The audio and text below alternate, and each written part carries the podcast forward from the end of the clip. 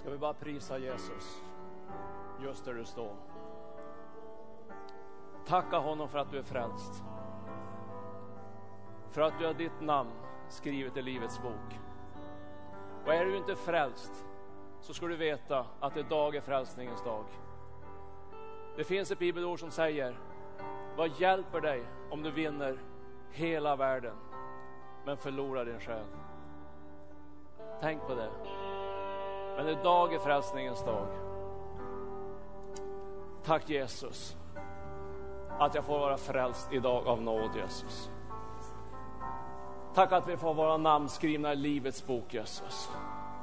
Tack Jesus för himlen som är vårt hopp idag Jesus. Åh Jesus, vi bara ärar dig, vi bara upphöjer dig, vi vill bara jubla inför dig Jesus.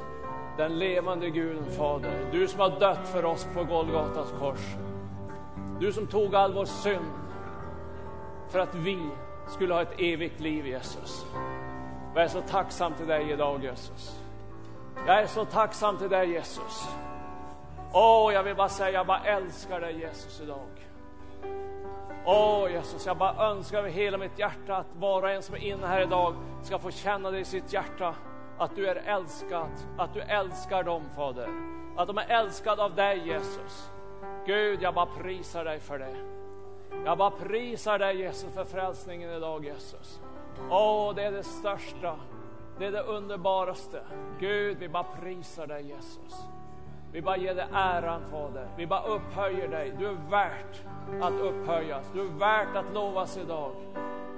Åh Jesus, jag bara prisar dig. Tack Jesus. Tack Jesus. Tack Jesus. Amen. Halleluja. Varsågod och sitt. Tack lovsångare. Vet du en sak? Att den som bor i dig, han är större än han som bor i världen. Det är någonting helt otroligt. Att det måste, det borde gå upp för oss varje dag. När vi stiger upp varje morgon så borde vi proklamera ut det. Tack Jesus att du är större än den som bor i världen. Och du bor i mitt hjärta. Det är någonting helt otroligt.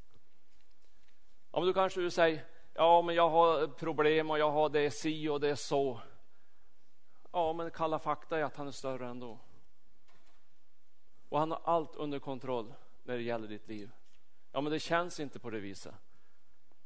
Nej, det kanske inte känns så. Det kanske är stormar, det kanske är böket, det kanske är... Och ibland så kanske du känner att Jesus han älskar mig inte. Han har nog lämnat mig. Men faktum är att han kommer aldrig att lämna dig. Utan din tillåtelse. Och ibland så får vi för oss att han som bor i världen, han är större än han som bor på insidan av dig. Men vet du, så är det inte. Det är precis tvärtom. Du ska höra, få höra en liten kul grej som jag drog fram på internet. Ska du få se att om Gud kan ha omsorg om en liten skalbagge. Det finns en liten skalbagge som heter bombarebaggen. Och man kan tänka sig att den inte finns i Sverige. Jag har aldrig hört talas om bombarebaggen. Man kunde tro att den skulle vara nere i Sydafrika eller någonstans där det är lite, lite bättre klimat. Lite varmare, lite mysigare vara än just i Sverige. Men faktum är att bombarebaggen finns i Sverige. Jag ska läsa lite vad jag drog fram så du får se hur Gud kan ha omsorg om en liten bagge, hur han ska försvara sitt liv. Så ska du, måste du tänka på det att du är mer värdefull för Gud än en liten bagge. Så han har inte övergivit det, han har inte lämnat det. Det står så här. Det finns en liten skalbagge som kallas bombarebaggen eftersom den har något som liknar en kanon i bakkroppen. Med sin kanon kan denna skalbagge beskjuta fiender som för, försöker äta upp den. Det sker med riktiga explosioner vid en temperatur på nära 100 grader. Det till och med smäller och ryker. Bombarbaggen är en mycket märklig upplevelse. Den explosiva vätskan består av två kemiska komponenter. väteperoxid och hydrokinon. Om någon skulle få, sig, få för sig att blanda ihop de här två vätskorna hemma i badrummet så skulle det inte finnas något badrum mer. Och om en bombarebaggemamma gav väteperoxid och hydrokinon i födelsedagspresent till något av sina barn så skulle det heller inte finnas någon bombar, bombarunge mer. Det går alltså inte att baggen bara får de där två kemiska komponenterna. Han måste få en massa annat också. Precis samtidigt har bombarebaggen också en tredje vätska, en så, en så kallad antireaktor. När den blandas med de två första händer ingenting alls. Baggen kan, kan skvimpa omkring med de tre vätskorna utan fara alls. Men bombarebaggen har också en fjärde vätska. Denna fyller den mycket effektfulla e- funktionen att i exakt rätt ögonblick ta bort antireaktorn och så kommer smällen. Ändå räcker det inte ens allt detta för att förklara bombarebaggens förträffliga lilla vapen. Den har dessutom fått två mycket sinnrikta konstruerade kanonrör. Dessa kan vridas 180 grader. Baggen klarar av att skjuta 20 skott per minut och det sägs att den aldrig missar. Detta betyder att en hel svärm paddor kan anfalla den från alla håll och bombarbaggen står ändå lugnt i mitten och kan skjuta ner dem allihop. Har du hört någonting så fantastiskt? Hur Gud kan ha utrustat en liten skalbagge på detta vis. Och samtidigt så kan vi tänka så här, Gud bryr sig inte om mig. Hur tokigt kan man tänka? Va? Du som är skapad till hans avbild. Du är mycket, mycket mer värdefull för Gud än en liten skalbagge. För han har utrustat han på ett speciellt sätt. Och han har utrustat dig för att stå emot din fiende. Ett vapen, vet du vad det är? Det finns en kör som säger så här, det, att när dagen gryr, nej, när dagen gryr, när dagen gryr och från att dagen gryr tills att solen går ner vill jag prisa ditt namn. Och fienden måste fly, står det längre fram i kören. Det är ett andligt vapen du har. Ett annat vapen som jag har märkt, vet du vad det är? Att du ska proklamera ut varje morgon du stiger upp. Han som bor på insidan av mig, han är större än han som bor i världen. Han bryr sig om dig. Vet du att Gud, han har alltid tagit hand om sitt folk. Han har aldrig lämnat dem i sticket.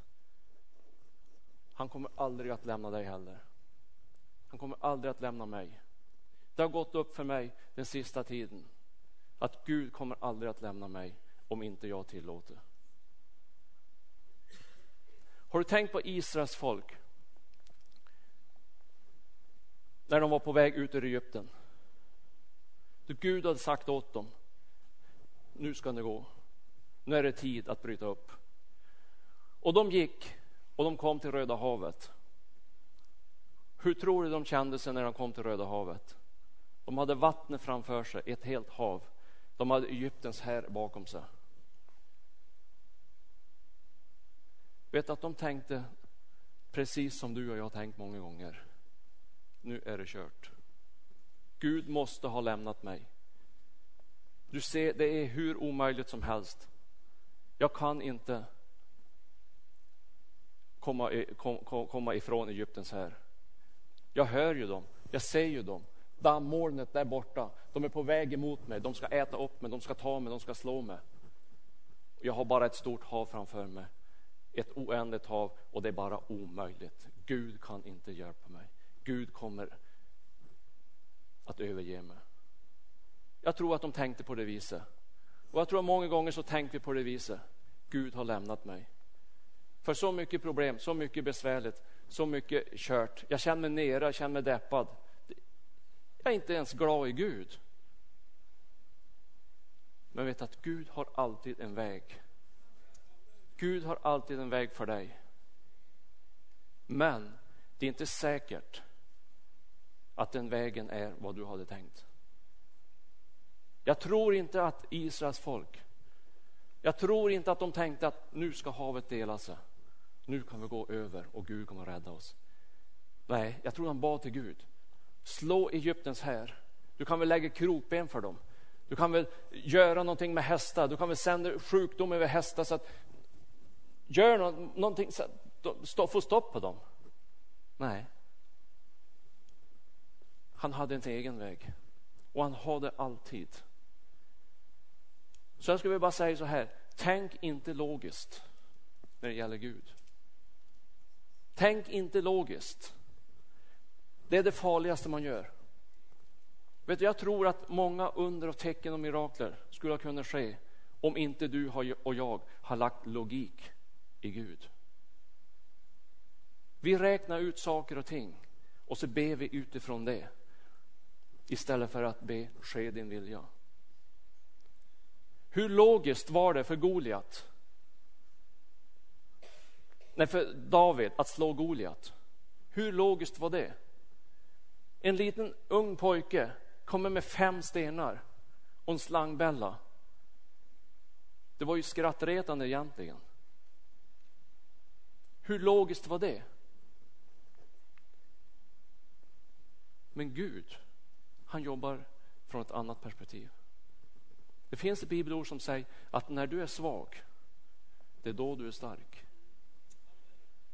När du känner att jag är ingenting, när du känner att det här är omöjligt, det är då du är stark. För då kan du kasta det på Gud. Det är då Gud kan göra någonting i ditt liv. Det farligaste som du och jag kan göra, vet du vad det är? Det är någonting att ta någonting för givet. Ta inte för givet att det här kan jag. Om du ska ut och predik, om du ska åka till ett annat land, om du ska ut och vittna för din granne, om du ska göra någonting för Gud. Det farligaste man gör det är att ta någonting för givet. Det här kan jag. Det här har jag gjort så många gånger förr. Det här är inga problem. Det är jättefarligt. Hur tror du David kände sig? Jag är säker att hela hans varelse skakade. Och han visste inte hur kommer det här att gå. Men han hade kastat sig på Gud. Och jag är säker på att hans bröder, att de bad för han. Och allihopa bad för han.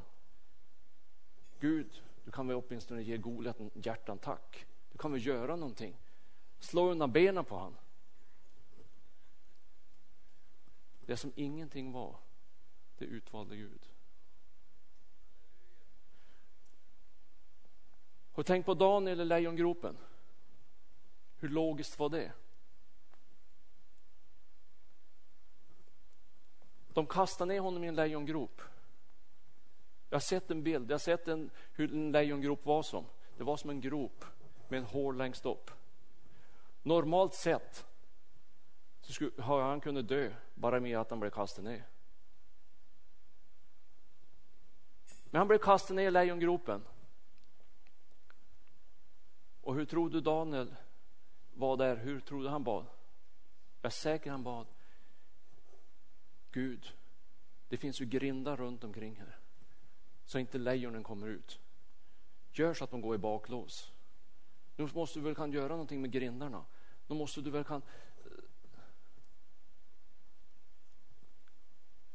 kan vi göra så att de blir sjuka då? Jag är säkert han satt och funderade så där. Men vet du? Gud jobbar från ett annat perspektiv.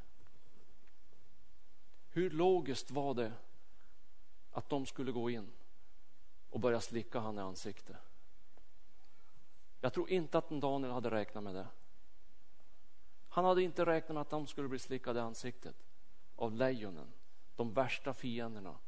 För att när han blev tagen upp därifrån och kastade de ner några andra fångvaktare, de åt upp dem direkt. Så de hade någonting i sig.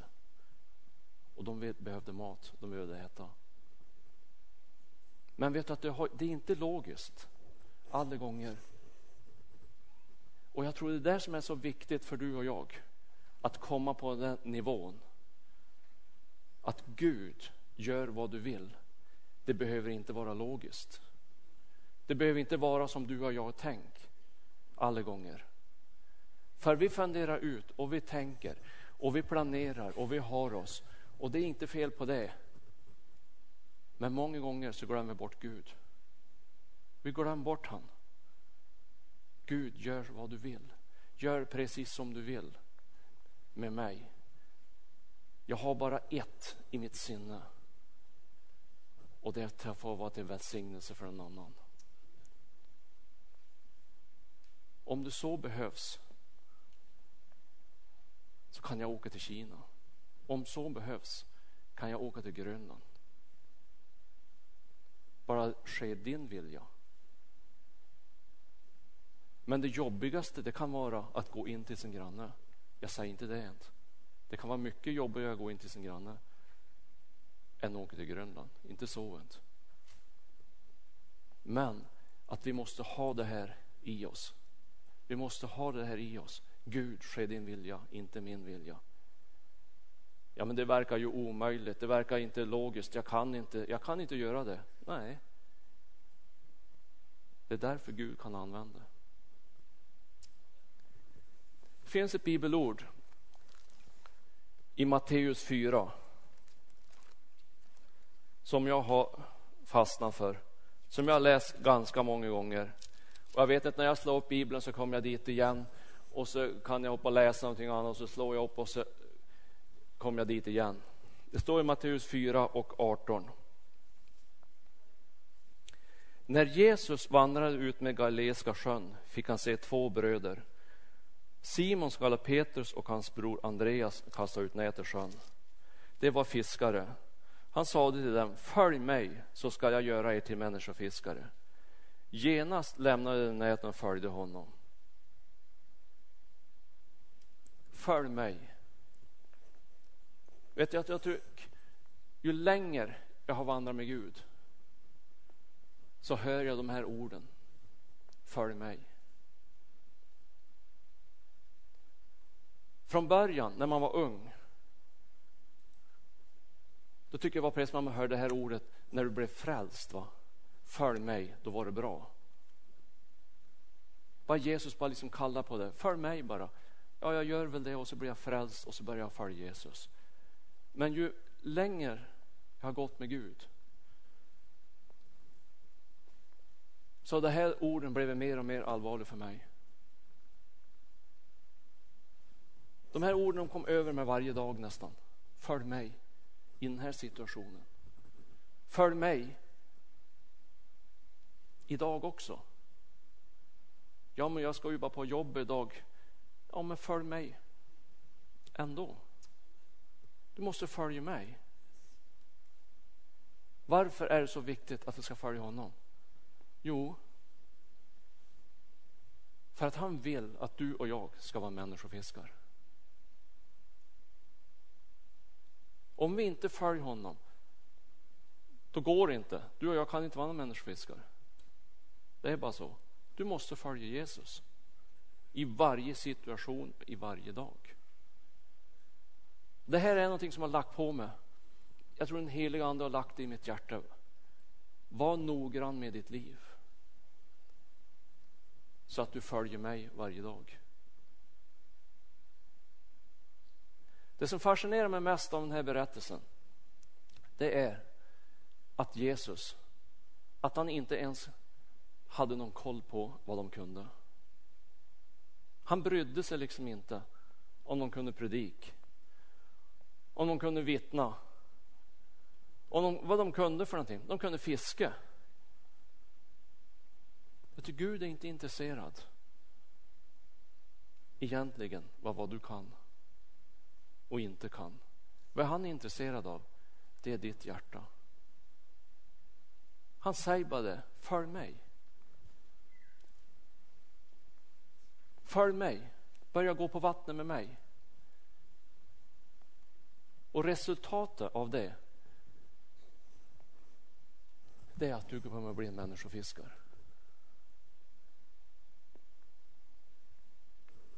Det står ju så, följ mig, gör ingenting annat, oroa dig ingenting. Släpp loss allting, tänk inte logiskt. Gå på mina vägar.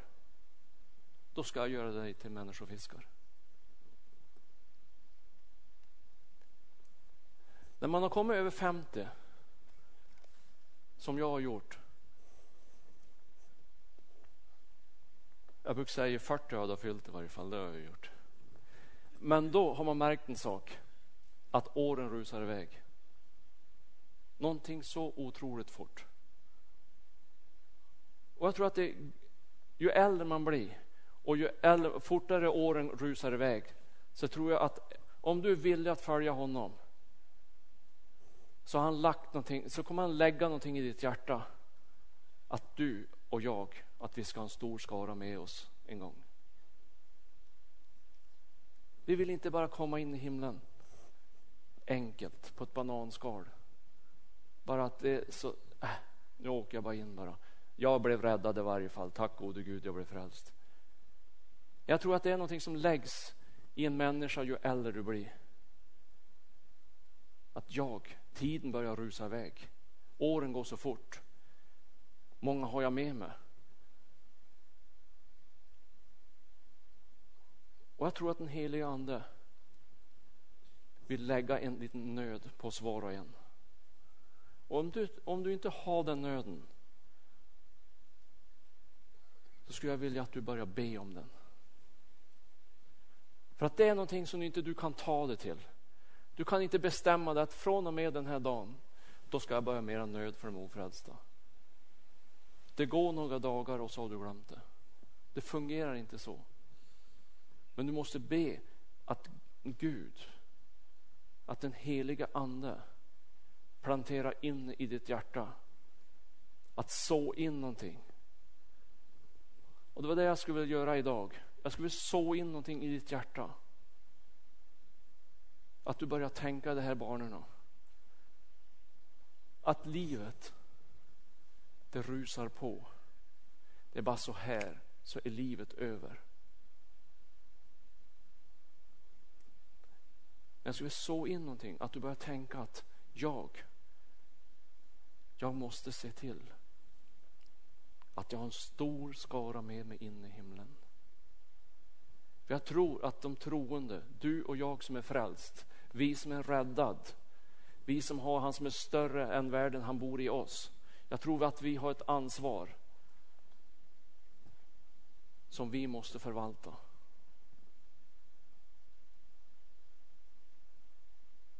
Vill du och jag se väckelse? Då tror inte jag att det fungerar på det här viset. Att du måste ha, att du har en eldlig pastor. Att du har häftiga kampanjer. Jag tror att det är jättebra. Men jag tror att du och jag som är vanliga medlemmar, vi måste ha en eld i hjärtat. Vi måste ha någonting som brinner på insidan. Och det är att jag ska ha med mig en stor skara till himlen. Vet du att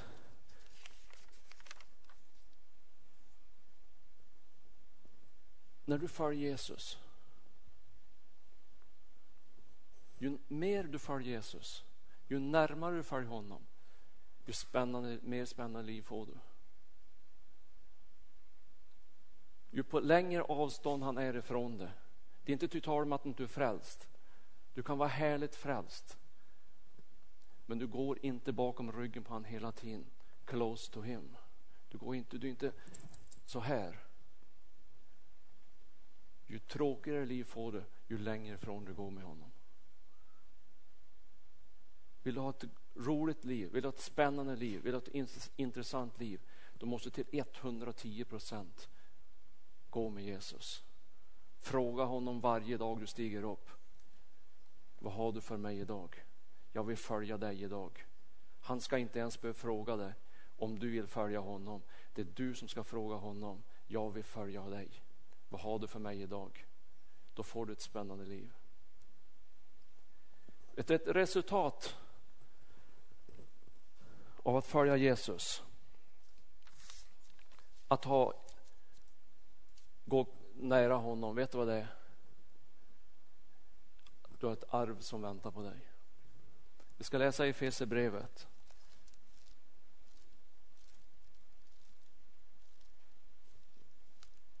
Efesierbrevet eh, 1 och 18 Ska vi läsa.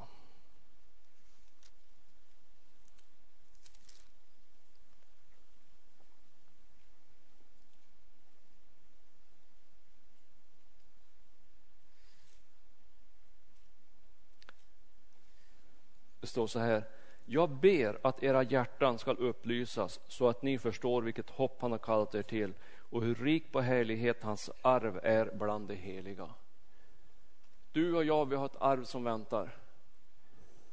Vet att vi ärver vår far. Har du tänkt hur det är på den här jorden? Om du ska ärva din far, om du ska ärva din mor. Vet du att du får allt?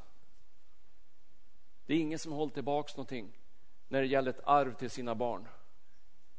Du ärver allt. Det är liksom ingenting diskussioner om.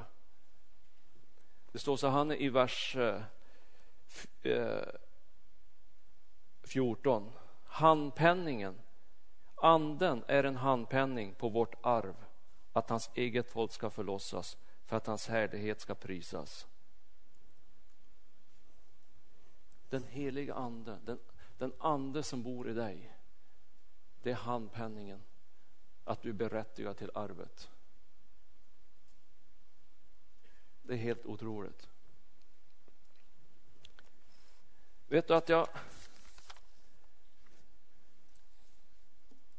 då tänk, ibland kan man tänka så här, ja, men, jag känner mig så smutsig, jag känner mig så oren, jag känner mig så, jag är inte, jag är inte värdig liksom att, att ärva min far, att ärva Gud liksom. Det är så stort för mig liksom att jag känner mig inte värdig vet du. Men är du frälst och du har sagt ditt ja till Jesus, vet du att du är rättfärdig i Guds ögon. Du duger mer än väl. Du duger precis som du är. Och ibland kan man tänka, man fattar liksom inte att i Gud, hur kan vara så stor. Hur kan han bo i mig, jag som är så syndig och eländig? Jag som gör så många brister, jag som gör så mycket fel. Men vet du, i Guds ögon, har du bett Gud om förlåtelse för dina synder, då ser han dig precis som du aldrig har syndat. Du är rättfärdig i Guds ögon. Jag tror det här är bra att man påminner sig om det. Man vet det så väl, man har, jag har varit frälst hur många år som helst. Men det är bra att påminna oss om att du är rättfärdig i Guds ögon. Du är förbund med den levande guden. Du har rätt till arvet. Och han vill använda dig. Du är mer dyrbar för Gud än vad du anar själv. Det står i Ordsboken, ska vi läsa någonting om rättfärdighet, ska du få se. Hur dyrbar du är.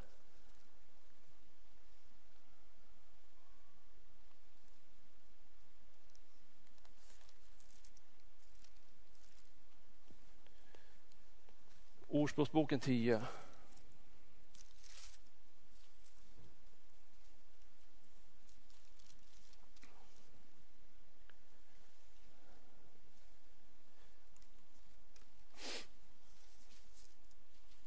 Det står i vers 3.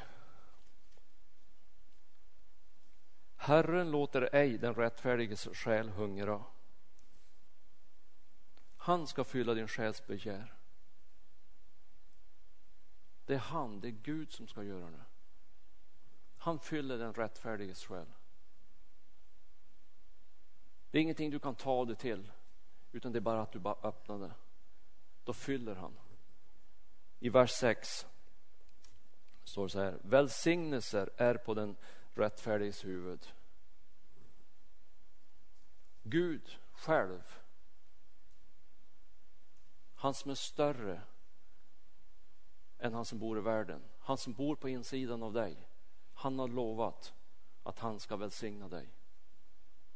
Du behöver aldrig tvivla på det. Det känns precis som inte jag är välsignad. Det spelar ingen roll vad du känner. Gud har lovat det. Bara håll fast vid hans ord. Tvivla inte på det. Gud har lovat, han skall välsigna dig. Det står inte att han, han kommer kanske att välsigna dig om du är nog duktig, nog bra. Nej, han är inte intresserad. Tänk på lärjungarna. När han sa följ mig. Följ mig bara. Ska jag välsigna dig. Vers 11. Den rättfärdiges mun är en källa till liv. Den rättfärdiges mun är källa till liv. Ibland kan man tänka att känna liksom att jag kan inte vara till någon uppmuntran för någon annan. Jag kan inte välsigna någon annan. Jo, det kan du visst det. Det står i Guds ord. Den rättfärdiges mun har liv. Du kan tala liv in i andra människor. Det är inga speciella människor, det är inte några profeter. Du och jag, vanliga människor, du och jag, vi kan tala liv in i andra människor. Därför att vi är rättfärdiga i Guds ögon.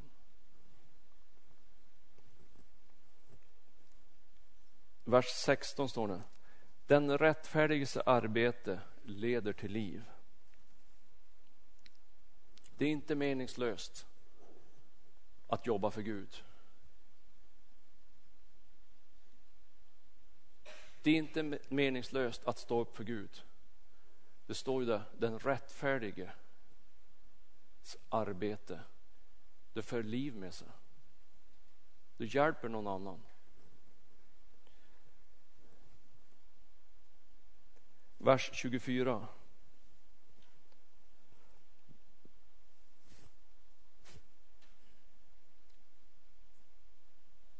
Vad den rättfärdige begär blir dem givet.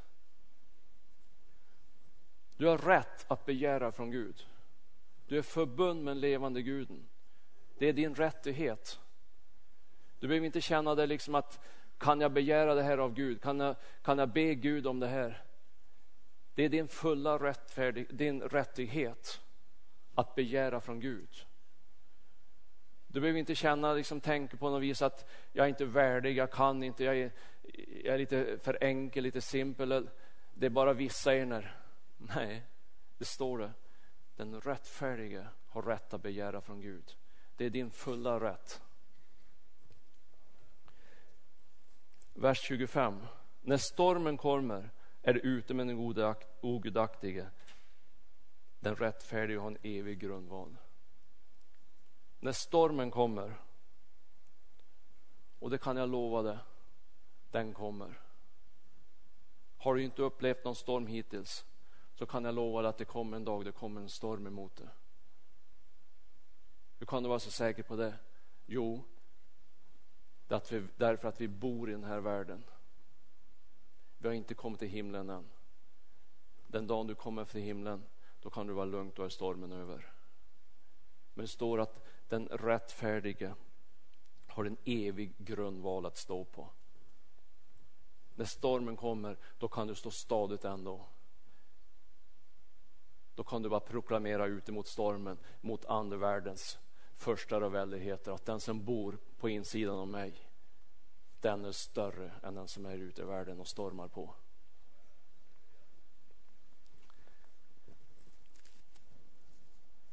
I vers 30 kan vi läsa. Den rättfärdige skall aldrig vackla. Det är väl heligt? Det står inte att ja, ibland kan jag vackla, ibland kan jag inte vackla. vackla.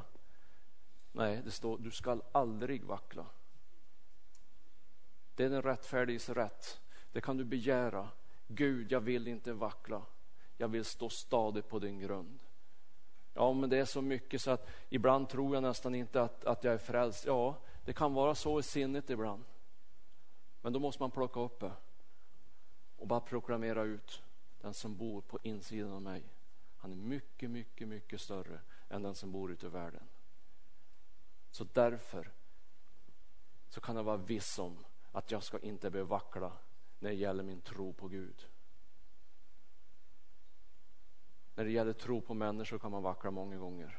Man kan bli besviken, det är inte så. Men, det gäller, men när det gäller Gud ska du inte behöva bli besviken. För det är din rättighet att begära att jag ska stå stadigt. För han kom aldrig att lämna dig. Det är bara du och jag som kan tillåta det.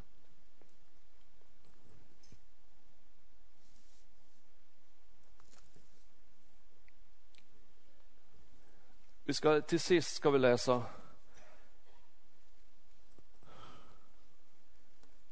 ska vi läsa för någonting? Vi ska läsa från psalm 32.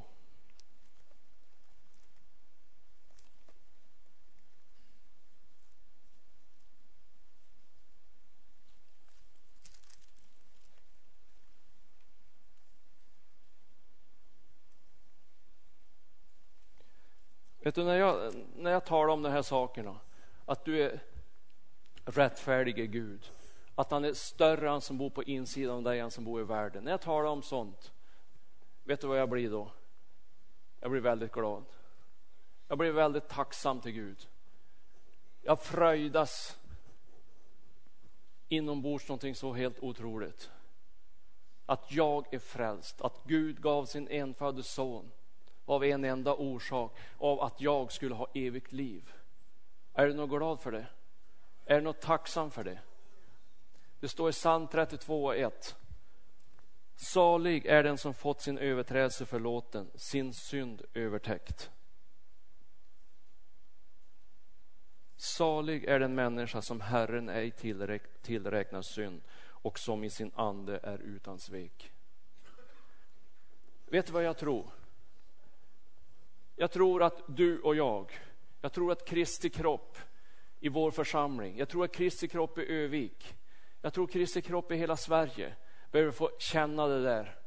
Att jag är förlåten och att den glädje som spirar, ska, kan liksom spira upp genom det, över min tacksamhet. Jag tror det är en nödvändighet för väckelsetider. Jag tror det av hela mitt hjärta. Att du måste känna det, att jag är förlåten.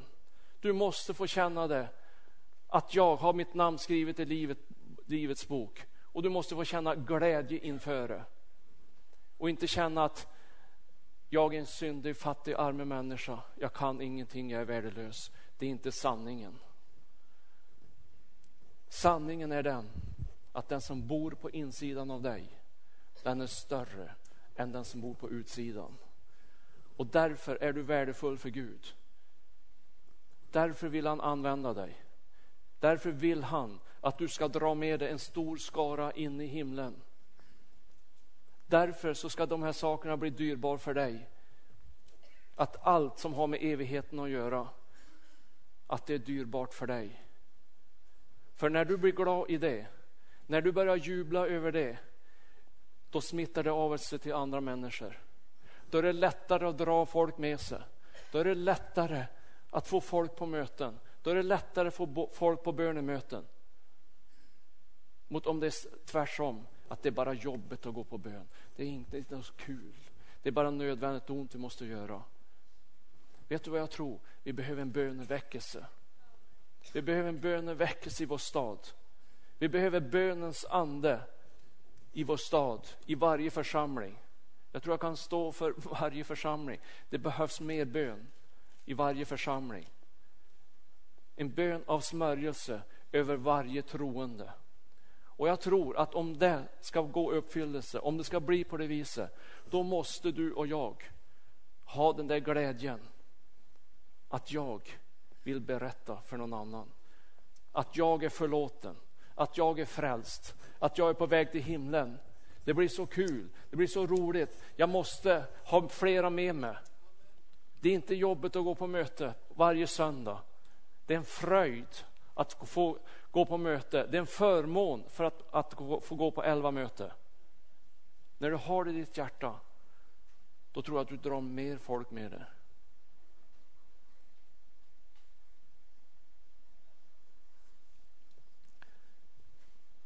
Sedan i januari, efter nyår, så har det varit någonting i mitt hjärta som jag gått och burit på. Och jag har sagt det någon gång på någon bönesamling och jag har sagt det någon gång här och kanske. Men jag skulle väl bara säga det igen. Att det är tid för Guds folk att söka Gud.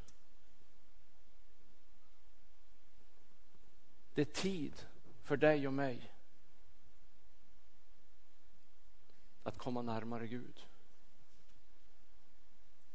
Det är tid för dig och mig att sätta ner foten i hans fotspår. Han ska inte nästan behöva ta upp foten för du ska sätta dit den. Så nära ska du vara när han. För vet du, du har aldrig varit så nära någon gång som just nu att Jesus ska komma tillbaks. Det står i Guds ord att när det inte talas så mycket om det, när det inte predikas så mycket om det, att Jesus ska komma tillbaks, då är det jättenära.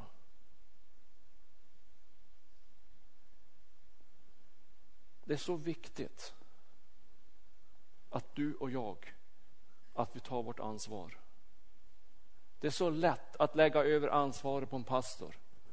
Det är så lätt att lägga över ansvaret på, på din granne, på din andlige ledare. På han som, och så börjar man att skylla och så tänker man, ja de lever närmare Gud, liksom. det är ju, jag är ju ingenting. Nej, du är rättfärdig i Guds ögon. Du duger mer än väl att vara hans budbärare, att vara hans sändebud.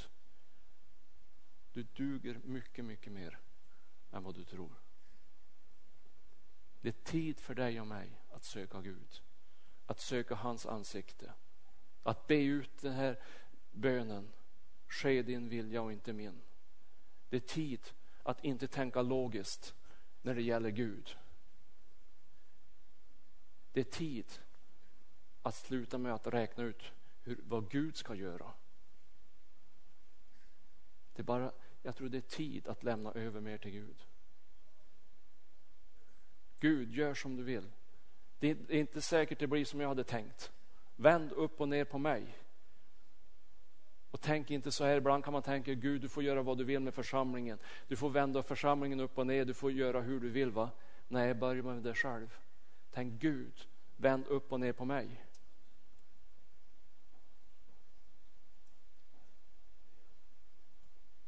Börja inte räkna ut hur Gud ska hjälpa dig. Börja inte räkna ut hur Gud ska leda dig. Börja inte räkna ut hur Gud ska göra miraklerna.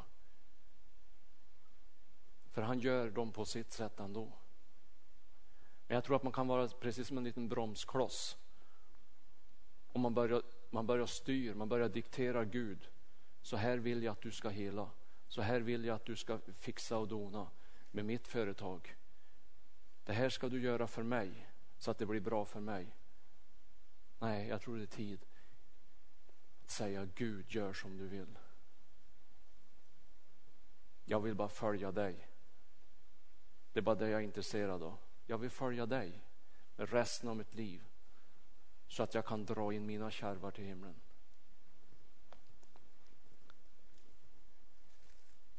Psalm 33 och 1.